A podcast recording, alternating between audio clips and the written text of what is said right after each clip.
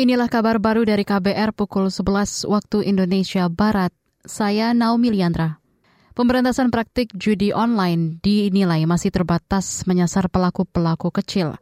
Menurut pengamat kepolisian dari ISESS, Bambang Rukminto, pemberantasan judi online di Indonesia hanya sebatas seremonial tanpa ketegasan pengawasan kepolisian ini kewenangannya sangat besar, terus kontrol dan pengawasan eksternalnya lemah, ya tetap akan terus itu terjadi karena pertanggungjawabannya nyaris tidak ada. Polisi bertanggung jawab pada siapa terkait dengan pemberantasan judi itu apa nyaris tidak ada yang memintai pertanggungjawaban ya, ya tergantung pada integritas pucuk pimpinan Polri. Kalau pucuk pimpinan Polri yang masih longgar, tidak tegas dalam menyikapi kasus-kasus judi online ini ya eh, ini akan terus berlangsung.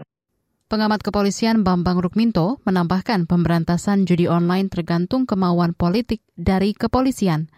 Sebelumnya Kapolri Listio Sigit Prabowo mengklaim telah mengungkap 1.150-an kasus judi online. Jumlah itu meningkat sekitar 99 persen ketimbang 2021. Kita ke informasi lain, Saudara. Kementerian Komunikasi dan Informatika Kominfo mendorong seluruh humas pemerintah, BUMN, dan BUMD menggaungkan kampanye industri hijau. Pesan ini disampaikan Direktur Pengelolaan Media di Kominfo, Nur Sodik Gunarjo, dalam Forum Komunikasi Badan Koordinasi Hubungan Masyarakat Bako Humas terkait keselarasan industri hijau dan ekonomi hijau kemarin. Dan yang penting lagi adalah bagaimana menggaungkan ini melalui melalui berbagai kanal yang dikelola. Kita semua punya uh, mengelola kanal itu alangkah indahnya kalau itu semua itu didaya gunakan untuk uh, secara bersama-sama menggaungkan hal yang terkait dengan industri hijau uh, yang ramah lingkungan ini.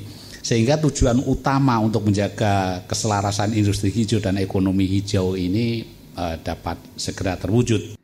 Direktur Pengelolaan Media di Kominfo, Nursodik Gunarjo, menuturkan masyarakat harus makin sadar akan pentingnya industri hijau atau ramah lingkungan. Beralih ke berita mancanegara, Pandemi COVID-19 dan naiknya biaya hidup memicu 68 juta penduduk negara-negara berkembang di Asia terjerumus kemiskinan ekstrim tahun lalu. Angka itu berdasarkan laporan dari Bank Pembangunan Asia ADB. Dikutip dari Antara, ADB menilai pandemi dan tingginya inflasi menjadi penghalang upaya penanggulangan kemiskinan negara-negara berkembang. Negara berkembang di Asia terdiri dari 46 perekonomian di Asia Pasifik, kecuali Jepang, Australia, dan Selandia Baru. Dalam laporannya, ADB memperkirakan 150 jutaan penduduk Asia atau sekitar 3,9 persen populasi hidup dengan kemiskinan ekstrim pada tahun lalu. Kepala Ekonom ADB Albert Park mengatakan meningkatnya biaya hidup menghambat perkembangan menuju penghapusan kemiskinan. Penduduk yang masuk kategori miskin ekstrim adalah yang berpenghasilan di bawah Rp32.800 per harinya.